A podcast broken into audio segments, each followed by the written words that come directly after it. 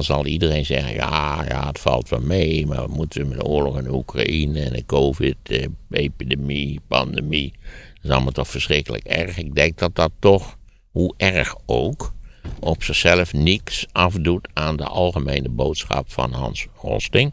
Namelijk dat de wereld er eigenlijk in allerlei opzichten goed voor staat. Het verlossen, kunt u mij horen? Als je het nieuws een beetje volgt, dan denk je: het gaat rampzalig met de wereld. Waar moet dit naartoe?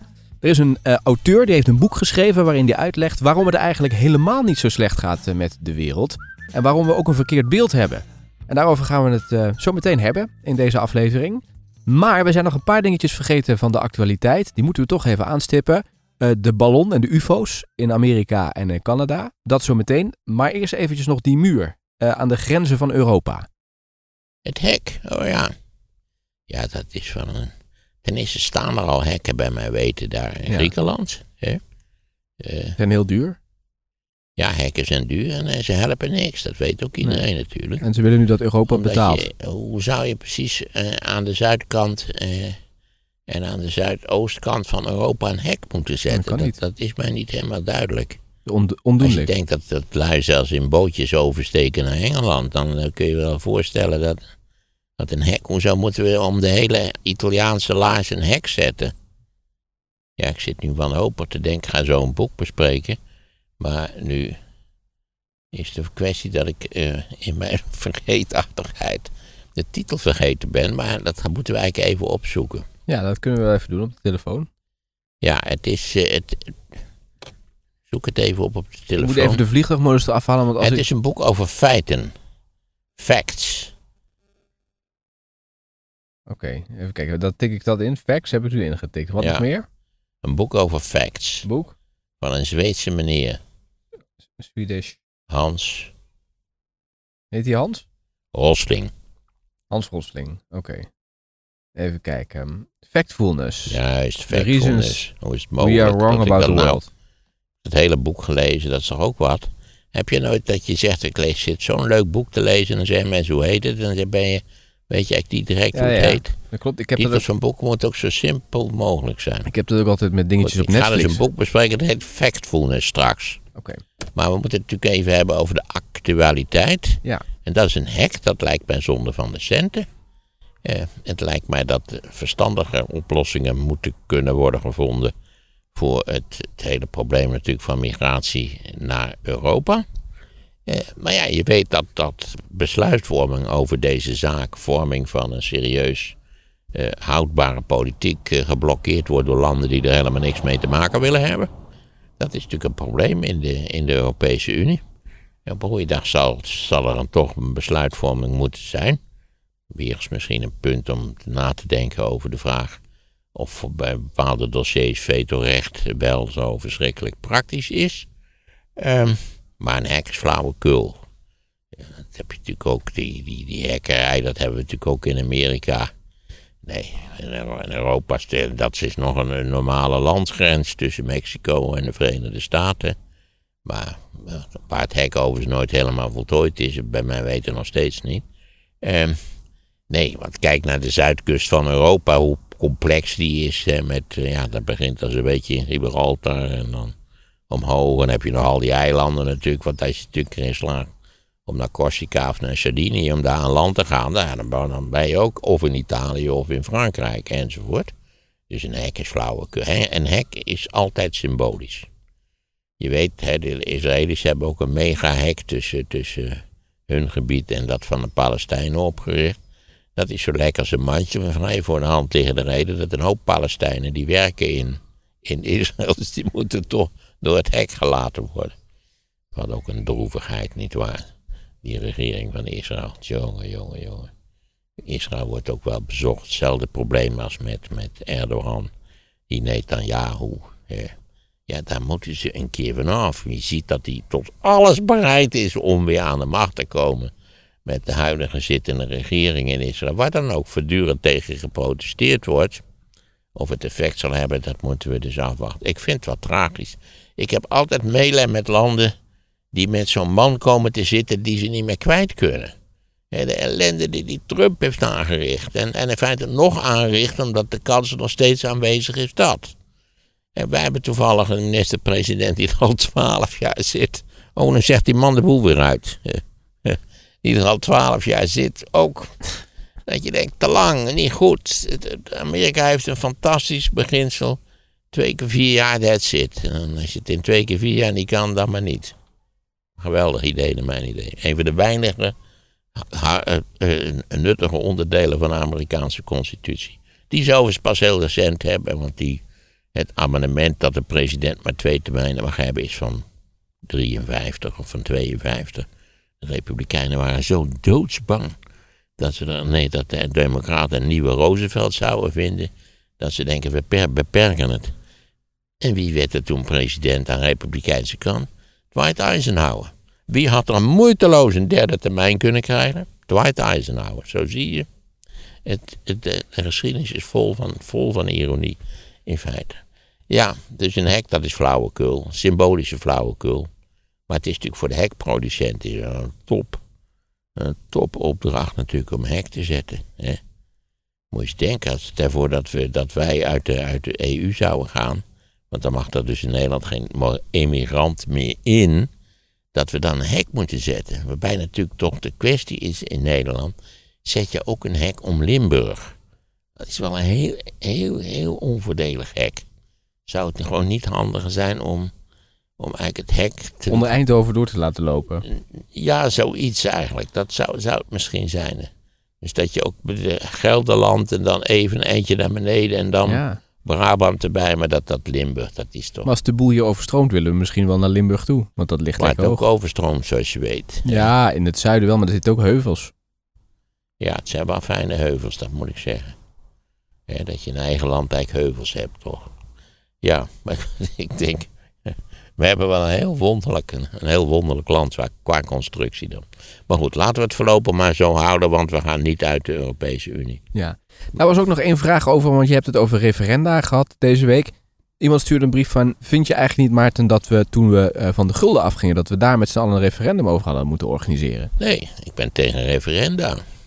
De Nederlandse volksvertegenwoordiging heeft dat eh, in de tijd goedgekeurd. En, nou ja, dat is natuurlijk, dat besluit is al, dat dateert van de jaren negentig al. We hebben het langdurig aan zien komen. Dat is toch mooi inspraak Er is wel, politieke kwesties. Was natuurlijk wel wie, wie gaan er in de eurozone en wie niet. En ik meen dat juist Salm meerdere malen heeft gezegd... ja, Italië en Griekenland moeten we er niet in doen... want dat zijn totaal onbetrouwbare landen.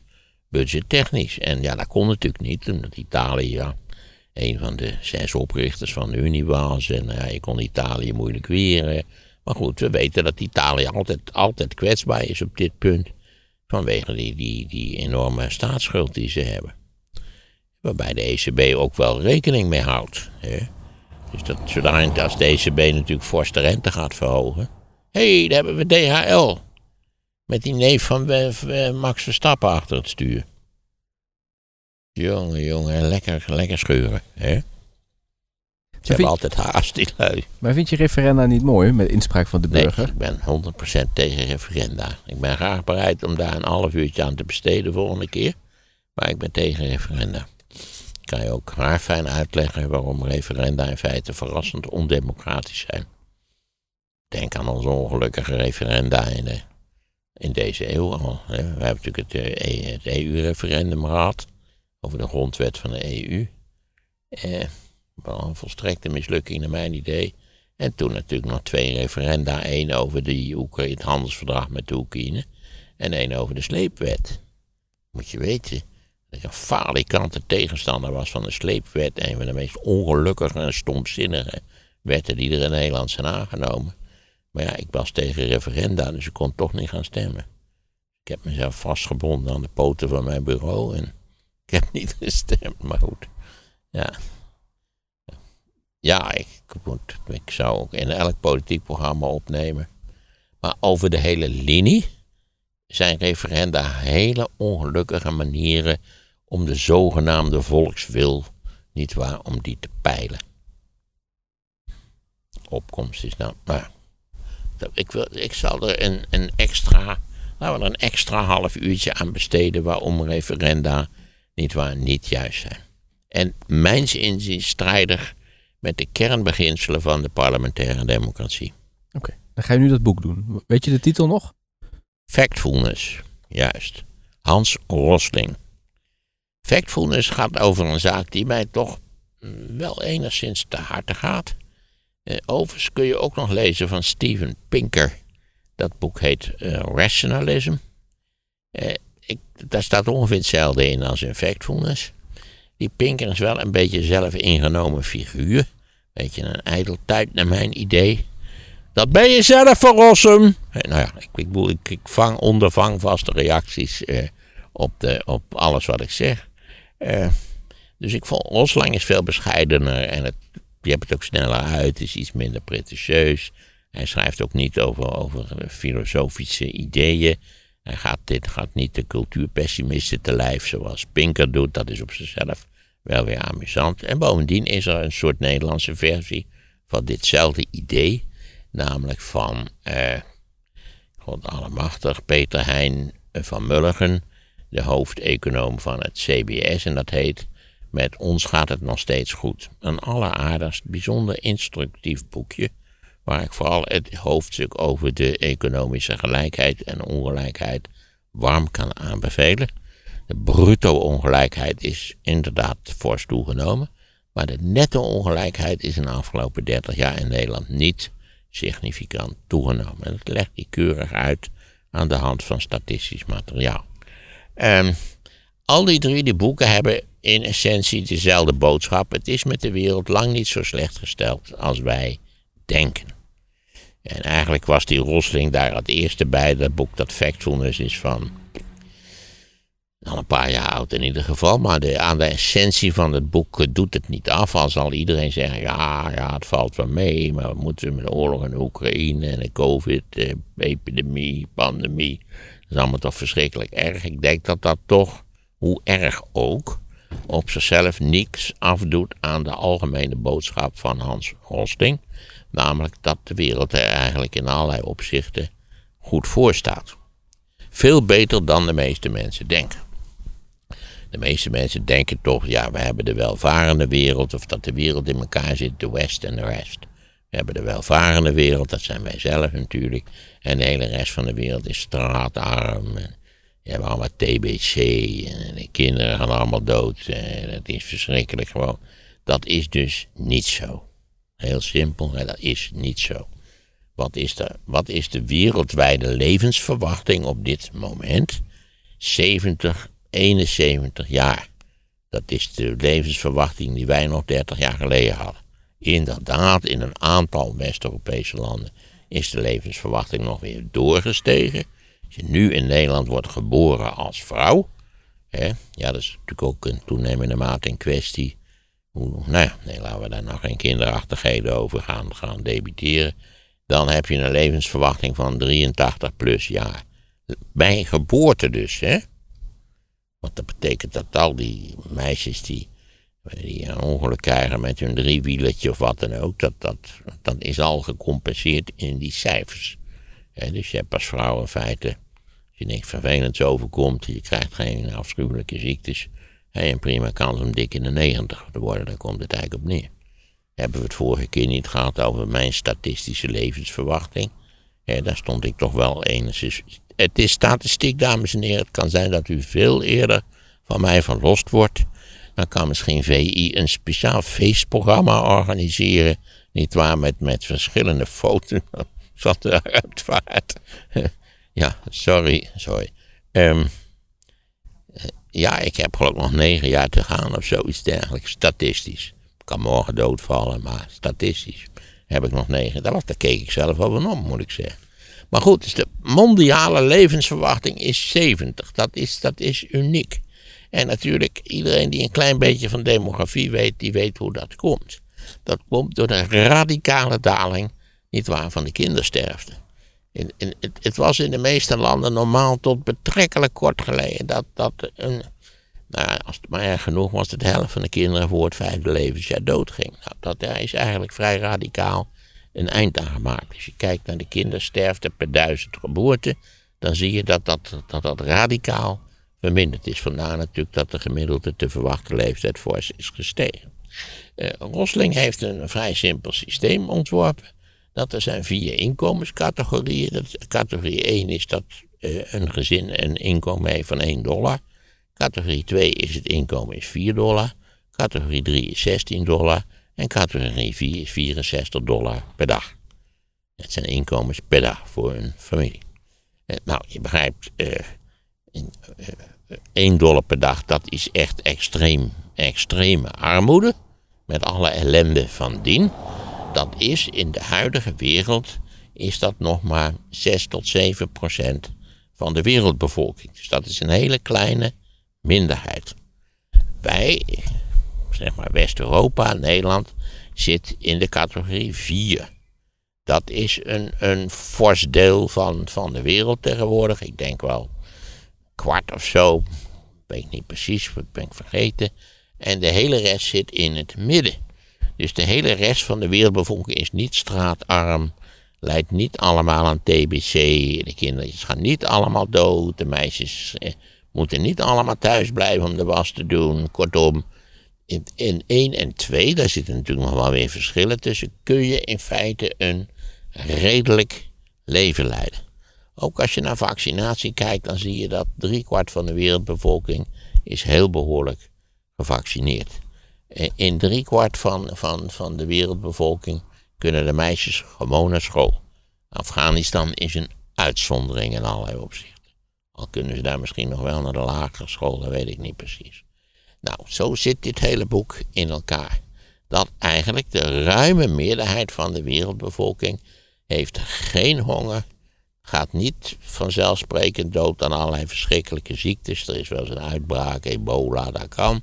Niet waar, maar goed, dat is niet een, laten we zeggen, planetair mondiaal probleem is het niet. En bovendien zie je dat bij een hele reeks van ziektes, er zijn ziektes die volledig uitgeroeid zijn. Er zijn ziektes waar we toch in no time een vaccin tegen ontwikkeld hebben. Daar is natuurlijk COVID een prachtig voorbeeld. Iedereen zei, ja, dat kon wel twee jaar gaan duren. En nou, binnen een jaar eigenlijk hadden we met dat mRNA hadden we eigenlijk een nieuw soort van vaccin gebouwd. Wat ook relatief makkelijk aangepast kan worden aan veranderende omstandigheden. En eigenlijk bij alles waar je kijkt, zie je dat, dat de toestand eh, vooral gek genoeg de laatste 20, 30 jaar spectaculair verbeterd is. Waar natuurlijk mee gecalculeerd wordt, dat begrijp je wel, dat in een land als China in de afgelopen halve eeuw honderden miljoenen mensen uit abjecte armoede zijn opgestegen naar niveau 2 en 3. En deels misschien in de grote steden her en der ook wel naar niveau 4. Want bij niveau 3 kun je al een autootje of een motorfiets of je hebt een ijskast, je hebt een kleuren tv, dat, dat kan allemaal al op niveau 3. op niveau 4 kun je ook vakantie met een vliegtuig gaan organiseren en al die andere overbodigheden waarmee, waarmee wij ons uh, leven vullen. Hoe worden die niveaus afgebakend? door, door, door, die simpele berekeningen te maken van 1 dollar per dag, 4 dollar per dag, 16 dollar per dag. Dat is natuurlijk een, een, een ruwe maat. Hè. Het gaat er eigenlijk voornamelijk om dat hij zegt: de wereld is niet de West en de rest. De wereld bestaat niet uit, uit miljarden hongerleiers die verschrikkelijke ziektes hebben, die geen, geen enkele kans hebben in het leven, die geen enkel uitzet hebben op een fatsoenlijk bestaan. Dat is niet zo. De overgrote meerderheid van de wereld zit in die twee middengroepen. Dat is eigenlijk zijn verhaal. Nou, dat gaat hij was medicus, dus dat gaat ook onder andere over vaccinatie en allemaal dat soort van dingen. Maar ook als je kijkt naar, neem zoiets eh, voor de hand liggend als vliegen. Ik kan je verzekeren dat vliegen in de jaren 30 echt levensgevaarlijk was. Vliegen is 2100 maal zo veilig geworden als het was in de jaren 30. Vliegen is, als jij straks naar huis rijdt, een, een, een vluchtje naar, zullen we maken, naar Toulouse, is veiliger dan wanneer jij eh, in Utrecht met je, met je Audi naar huis rijdt, bij wijze van spreken. Nou ja, hoe vaak hebben we grote ongelukken? Hè? En dan, nou ja, ik zit even te denken. Nou ja, we hebben eigenlijk met die Max, hè, dat was twee keer, notabene de Boeing zelf georganiseerd. Dat is pas dramatisch natuurlijk. Dat is luiigheid en, en, en duiterdieverij eigenlijk de oorzaak is van twee hele grote ongelukken. Eh, dus, eh, maar wat dacht je van het verkeer? Eh, in Nederland is in 1974, schat ik dat het was, vielen er in Nederland 2400 doden in het verkeer per jaar. Nu zijn dat er 600 ongeveer. Het is ietsje opgelopen door de komst van de elektrische fiets voor bejaarden. Ja, die bejaarden die, die zijn natuurlijk helemaal niet gewend aan snelheid en zo. En ondanks het feit dat ze tegenwoordig schijfremmen hebben op de fiets. Dat begrijp ik ook. En een helm? Wat? Een helm, helmpje hebben ze ook op. Ja, maar dan moet je bij- boven een bepaalde snelheid toch alleen. Ja, maar ze rijden altijd heel hard, zie ik. Man, ze rijden als gekken. Joh, ik zag, ik zag laatst een kennis door het park komen op een elektrische fiets. Nou, ik dacht, dat is levensgevaarlijk. Dadelijk gaat hij door de geluidsbarrière. Het heeft wel geleid tot een hele snelle technologische verandering van, van de fiets. Hè. Ik vind die moderne fietsen met die schijfremmen. Waarom waren die schijfremmen? Waarom zijn die pas de afgelopen jaren op fietsen gemonteerd? Je had, je had die suffe knijpremmen in het Tour de France, als ze met 90 kilometer naar beneden moesten op zo'n Alp, dan, dan moesten ze in die suffe schijfremmetjes. Met alle verschrikkelijke gevolgen van dien. En toen mochten, wat, wat, wat ze niet wilden, was dat sommigen wel schijfremmen en anderen niet. Want dan kon er gevaar ontstaan doordat de ene wel goed kon remmen en de andere weer Wat niet. voor remmen wil jij dan? Schijfremmen natuurlijk. Ja, schijfremmen komen van vliegtuigen. Vliegtuigen hadden in de jaren 30 al schijfremmen. Dat auto's die pas veel later hebben gekregen, is dat de auto-industrie, die doet alleen dingen als je ze onder druk zet. Ze moeten zuiniger zijn. Ze moeten binnen x meter kunnen remmen vanaf 100 km per uur. Ze moeten, je stelt voorschriften. En dan blijkt de auto-industrie prima in staat te zijn om op de kortst denkbare termijn alle mogelijke dingen te construeren, waardoor bijvoorbeeld autorijden veel veiliger is geworden. Ik weet niet, eh, denk aan de, aan de, aan, hoe heet het, eh, de, de veiligheidsgordel. In de, de, in de veiligheidsgordel is het goedkoopste middel waarmee het grootste aantal levens zijn gered wat ooit door de mens is bedacht. Ja, want nog steeds zijn er, als je kijkt naar hoeveel ongelukken er wereldwijd gebeuren per jaar, dodelijke ongelukken, dat is anderhalf miljoen of zo. Amerika heeft op de weg veel meer, daar zijn veel meer doden gevallen in het verkeer dan in alle oorlogen die Amerika ooit gevoerd heeft bij elkaar opgeteld. Nou, we zijn ook natuurlijk Eerste en Tweede Wereldoorlog hebben maar Amerikanen niet zo heel veel slachtoffers te betreuren. En cijfers zullen in Rusland anders liggen, maar toch, het geeft wel aan wat, wat, een, wat natuurlijk wat een gereguleerde, gestructureerde moordpartij het verkeer in allerlei opzichten is. Want ja, je, nou ja, als je met die dingen 100 gaat rijden, het is de, de hoeveelheid energie die daarvoor nodig is, die is fors. Dus de energie die je dan ook eh, hebt als je zo hard rijdt, die is ook gigantisch groot. Dus ja, je ziet dat bij, bij vrijwel alles is significant verbeterd in de afgelopen halve eeuw. En we kunnen mogen aannemen, maar ook in India, nietwaar, is al een groot deel van de bevolking heeft zich al onttrokken aan abjecte armoede. Ja, die is er nog wel op sommige punten en sommige landen, deels ook in Afrika natuurlijk. En dat niet alleen, maar ook het aantal geboortes is al zo dat je vrij redelijk kunt voorspellen, demografisch, dat de wereldbevolking ergens, eh, ik geloof in 2060 of zo, de top bereikt en dat het daarna gaat dalen. Dus het aantal kinderen, dat is wat in 2100 zal leven, is al gelijk aan het aantal kinderen wat nu, wat nu ook leeft. Eh, wat aanzienlijk toeneemt in de komende eeuw, in deze eeuw, sorry, is het aantal ouderen. Dus dat, dat al die mensen zoals ik, die dus zo ongelooflijk oud worden, dat gaat heel veel mensen overkomen. Denk maar aan het feit dat de levensverwachting voor eh, eh, eh, eh, mensen planetair al 70 is. Ja. Dus dat zal nog verder gaan toenemen. Medische wetenschap zal in allerlei opzichten nog effectiever worden dan die toch al is. Ik ben daarvan een prachtvoorbeeld. Kijk, nou, zonder de vorderingen van de medische wetenschap was ik voor mijn zestigste dood gegaan. Nou, kan niet verrekte galstenen van mij. En daarna was ik dood gegaan vanwege die afgerukte klep natuurlijk. Dus ik ben al, door de medische wetenschap ben ik al tweemaal voor de poorten van de dood weggesleept. Vandaar dat ik ook geen schuine moppen wil horen. Ik wil mijn tijd beter, effectiever en constructiever gebruiken dan in mannengezelschap schuine moppen te gaan vertellen. Sorry dat ik dit er weer even tussen heb gevrongen. Ik kan niet laten daar toch iets over te zeggen, omdat het. Het steekt me dat, dat deze zaken verkocht worden als, als wat fijn, even ontspannen, hoef je ze even niet te tobben. Eh, als, dat zeggen luisteraars, hè? En dan op die manier, ja, dat zeggen luisteraars. Ze zeggen die van Rossum snapt er niks van. Ja, wat is toch een armoeverschijnsel, sorry hoor. Je hoeft voor mij helemaal niet al die VPRO-films op zondagavond te kijken, maar dit is toch wel armoe. Als toch VI je ontspanning is, sorry, dat is echt armoe.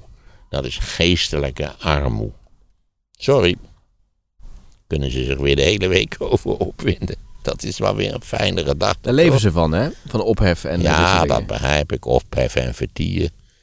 Was er niet, uh, niet een roman van Zwageman die ophef en vertier ja, heet? Ja. Ja. Oh, gaat er wel een radioprogramma volgens mij. Kunnen. En Mediacourant zal het ook wel weer overnemen. De Mediacourant, ja. Die, die weet het altijd verbaal zo te...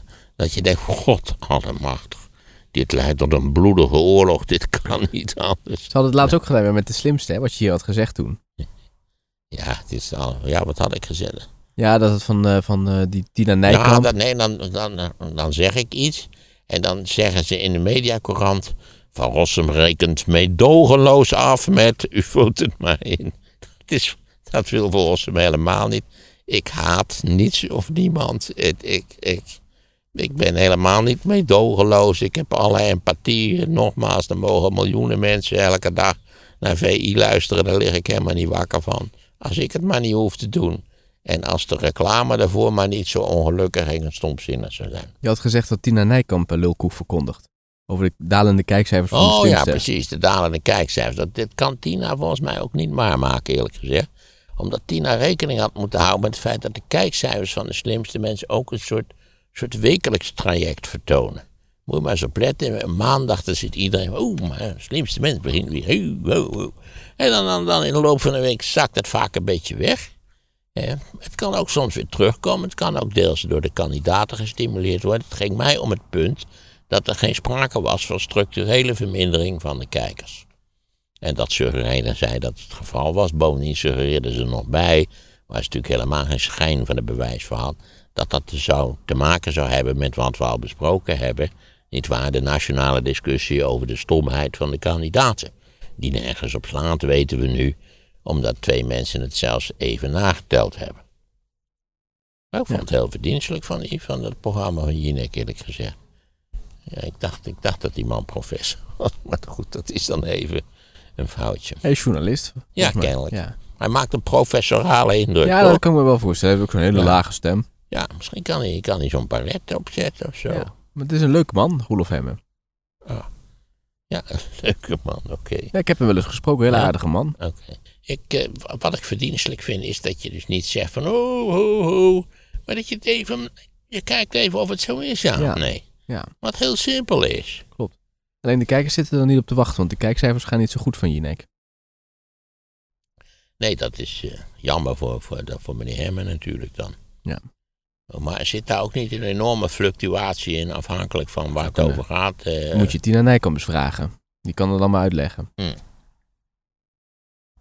Ja, je weet dat ik van mening ben dat, dat het hele talkshow-formaat op de helling moet. Dat zei die man van Avro Tros toch? Die zei van, we moeten af van die talkshows bij de NPO. Dit is een meningencircus en... Uh... Ik ben het daar wel mee eens. Dat we zeggen, dat, Doe je ook dat, mee, mag, er best, er mag er best één overblijven. Maar dan moet, dan moet dus heel goed over na worden gedacht hoe je dat gaat doen. En, en hoe, dat, hoe dat een zekere scherpte, maar toch lichtheid zou kunnen hebben. Maar jij zit ook heel vaak je mening te verkondigen. Nou, dat valt wel mee, want in het algemeen wordt er afgesproken dat ik een kwartier mijn mening mag verkondigen. En daarna blijkt er, er precies twee minuten en tien seconden over te zijn voor mijn mening. En aangezien ik dan, dan ondertussen me op heb zitten winnen. Dit waar verpest ik ook die 2 minuten 10 seconden nog met door, door opgewonden te protesteren. Weet je, dat is dan wel vrij suf. Heb je Sven nog gesproken daarna? Nee, maar god, je moet dat allemaal vaak niet zo persoonlijk zien. Oh. Zo, eh, in principe is dat, is dat niet persoonlijk. Eh, meneer, ik weet niet of u nog luistert, maar ik ga iets over Rutte zeggen. Rutte is een alleraardigste man. Daar gaat het helemaal niet om. Dat is mijn persoonlijke vijand niet. Nee, ik heb helemaal geen persoonlijke vijanden in de politiek of in den landen. Nou ja, er zijn mensen die zouden zich daarvoor kunnen kandideren, maar op dit moment, nee, heb ik die niet. Ik ben helemaal geen, geen hater of, of hoe heet het, eh, supporter van geweldsgebruik. Het absolute tegendeel is het geval. Ik ben echt de meest vredelievende en empathische man waar u ooit naar geluisterd heeft. Heb je Rutte wel eens ontmoet? Ja, ik heb. God, het is lang. Ja, het is maar net wat je ontmoeten noemt. Je ziet het wel eens in het. Ik kwam hem nog eens tegen in de stationshal in Utrecht. En goed, heel beleefd. Maar het, ik heb wel eens. Lang, lang voordat hij. Volgens mij was hij toen nog staatssecretaris. van Sociale Zaken. Dat is lang geleden. Heb ik een kerstuitzending samen met Rutte gemaakt. Ik heb geen idee. Ja, ik wist ook niet dat hij het ver zou brengen, de politiek. Maar wat ik me van herinner was het verder een hele leuke kerstuitzending.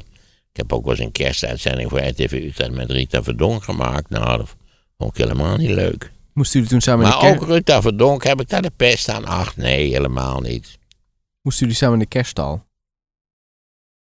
Ja, ik weet niet hoe dat... Er waren heel veel takken en ontzettend veel kerstbomen. Ze overdrijven in die studio's altijd. Hè. Er staat dus niet één kerstboom. Er staan zes kerstbomen die niet gewoon een normale ballendichtheid hebben. Maar waar ze echt honderden ballen in gevrommeld hebben. Hè.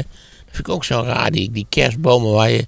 Nou ja, het is eigenlijk, je je hoeft eigenlijk helemaal geen boom te hebben. Je moet een ijzeren frame hebben. Daar hang je dan al 300 ballen op. Hè.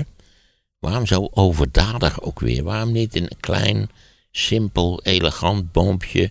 Liefst met echte kaarsjes. Ja, ik weet het, je moet erop letten. Je kunt dat ding niet de hele dag aanhouden met echte kaarsjes. Maar het is wel totaal anders. Ik heb dat nooit meer gezien dat iemand het met kaarsen doet. Nee? Nee. Jij wel? Nou, ik moet zeggen, wij zijn ook gesneuveld voor het elektrisch licht. Maar wij doen helemaal geen kaars, geen kerstboom meer. Dus dat eh, speelt eigenlijk geen rol. Maar ik vind die overdreven gevulde kerstbomen, dat kan toch niet de bedoeling zijn geweest. Hè?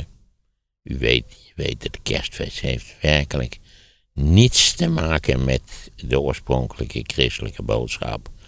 Kerstfeest is een hele, hele, hele oude viering van de lichtwisseling. Die zich per slotverrekening in, eh, wat is het, bij het begin van de derde week van december voltrekt. Je kunt nu wel goed merken dat we al een stuk meer licht hebben aan het eind van Ja, de middag. heerlijk. Hè? Heerlijk, ja. Ik vind het ook altijd eh, een hele wonderlijk. Kijk, nu heb je al zo'n dag dat het dat er toch iets van voorjaar in, het lucht, in de lucht Ja, zit. Hè? Ja. Als je nou in het park gaat kijken, de krokusjes bloeien ook. Het is eh, ja, altijd toch een heel, heel mooi moment, is dat naar mijn idee. ja. Heb je alles over het boek gezegd? Eh, ja, want er zijn dus drie boeken. Dus en u kunt ze in principe, ik zou zeggen, ik zou erg zijn dat, dat als u nou toch zelf iets wil lezen, neem Rosling. Dat is weinig pretentieus, dat is eh, feitelijk, voor zover ik dat kan zien, correct. En eh, nou, wat, er, wat erin moet staan, staat er ook in. En ik vind eh, dat boek van Van Mulligen, het, gaat, het gaat ons, eh, weet ook weer, met ons gaat het nog steeds goed, dat is de juiste titel. Dat is een enorm nuttig, feitelijk boekje. zo- Zonder dat het ook in de verste verte polemisch is. Het is simpelweg statistisch materiaal. En daar kun je toch een hoop van opsteken. Het is eigenlijk een, een structurele bestrijding van acht mythische voorstellingen die bijzonder negatief zijn en die gewoon simpelweg niet juist zijn. Wat vragen van luisteraars. Ehm dus een meneer die luistert altijd in de auto, maar hij zegt ja, omdat mijn vrouw uw, eh, u, u vrij monotoom vindt en mijn kinderen liever naar kinderliedjes luisteren, eh, kom ik er niet vaak aan toe. Maar ik heb wel een vraag en dat gaat over de podcast. Onlangs heb ik een Tesla aangeschaft uh, en het bevalt mij enorm goed. Alleen vraag ik mij af of de magnetische velden die aanwezig zijn door de grote batterij schadelijk kunnen zijn voor bijvoorbeeld mijn kinderen. Zelf meet ik op een van de kinderstoelen 20.000 nanotesla. En om een beeld te geven, mijn magnetron die aanstaat geeft aan de buitenkant 10.000 nanotesla. Oh, ik zou dat niet weten in hoeverre dat. Ik neem aan dat, dat deze problemen, dat daar voorschriften voor zijn. En dat er dus eh, metingen zijn uitgevoerd. En dat de ding uh, stoerelarij, je hebt natuurlijk ook in Amerika zo'n zo wegenverkeersorganisatie. En ik neem aan dat het ook in, in Europa is een Europese instelling, die in het algemeen een stuk strenger is dan een Amerikaanse instelling. En die ze houdt zich bezig met, de veilige, met autoveiligheid. Dat zijn die botsproeven, hè? Dat, je, dat je, je kunt er vijf sterren halen in, in, in Europa. Was er ooit zo'n Chinese auto die bij de botsproef in, in 100 stukken uit elkaar viel. Het was niet zo solide geconstrueerd. Het is jaren geleden volgens mij. Dus ik denk dat ook hier wel, wel passende metingen zijn verricht. Maar daar durf ik niks over te zeggen eigenlijk. Hij zegt volgens de WHO-norm, die er dus is, zijn uh, de, de waarden die ik noem kunnen eigenlijk geen kwaad. Maar er is ook een Duits instituut. En daar zeggen eigenlijk eh, de uh, deskundigen alle waarden boven de 500 nanotesla worden als extreem hoog gezien. Ja, god, je hebt ook van die mensen die denken dat die hoogspanningsleidingen, dat die ook allerlei elektromagnetische verschijnselen genereren die niet goed voor ons zijn. Bij veel van dit soort dingen, dat geldt ook voor voedselveiligheid, dat geldt eigenlijk voor het hele, hele circuit van veiligheid voor de mens, is natuurlijk het, het, het uh, zwakke punt van al deze redeneringen, is dat de mens nog steeds ouder wordt gemiddeld. We hebben het er net over gehad. Dat dus voor, de, voor, voor alle mensen op de planeet een levensverwachting van 70 jaar geldt. Vaak worden we ouder met gebreken, maar we worden wel ouder. En dus over de hele linie kun je zeggen, is het. Nou ja, misschien moet je. Het klinkt een beetje cru. Bij het begin van de 20e eeuw had, was er, dacht ik, een wereldbevolking van 1,6 miljard mensen. Bij het eind van de 20e eeuw was de wereldbevolking 6 miljard mensen. Nou, je weet nu zijn we op weg naar nog meer. Maar goed, tot we een bepaalde top bereiken. En dan moet je dus, ondanks alle oorlogen en alle onbeschrijfelijke ellende van de 20e eeuw, en het is nogal wat als je er naar kijkt, nietwaar, is dus de mens enorm een aantal toegenomen. Wat natuurlijk maar één eh, eh, oorzaak kan hebben, namelijk dat het menselijk bestaan eh, op betrekkelijk grote schaal aanzienlijk aangenamer en veiliger is geworden. Anders kun je niet van 1,6 naar, naar 6 miljard toe. Oké, nou, dat was het voor vandaag. Abonneer je op de nieuwsbrief van deze podcast als je niets wilt missen. De link die staat in de show notes.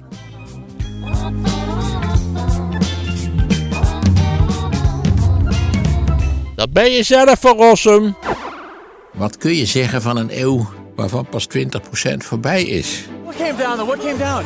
The, crash. The other trade center's down. It's down. Begin het nieuwe jaar goed met een terugblik op de eerste jaren van deze eeuw. Verteld door Maarten van Rossum.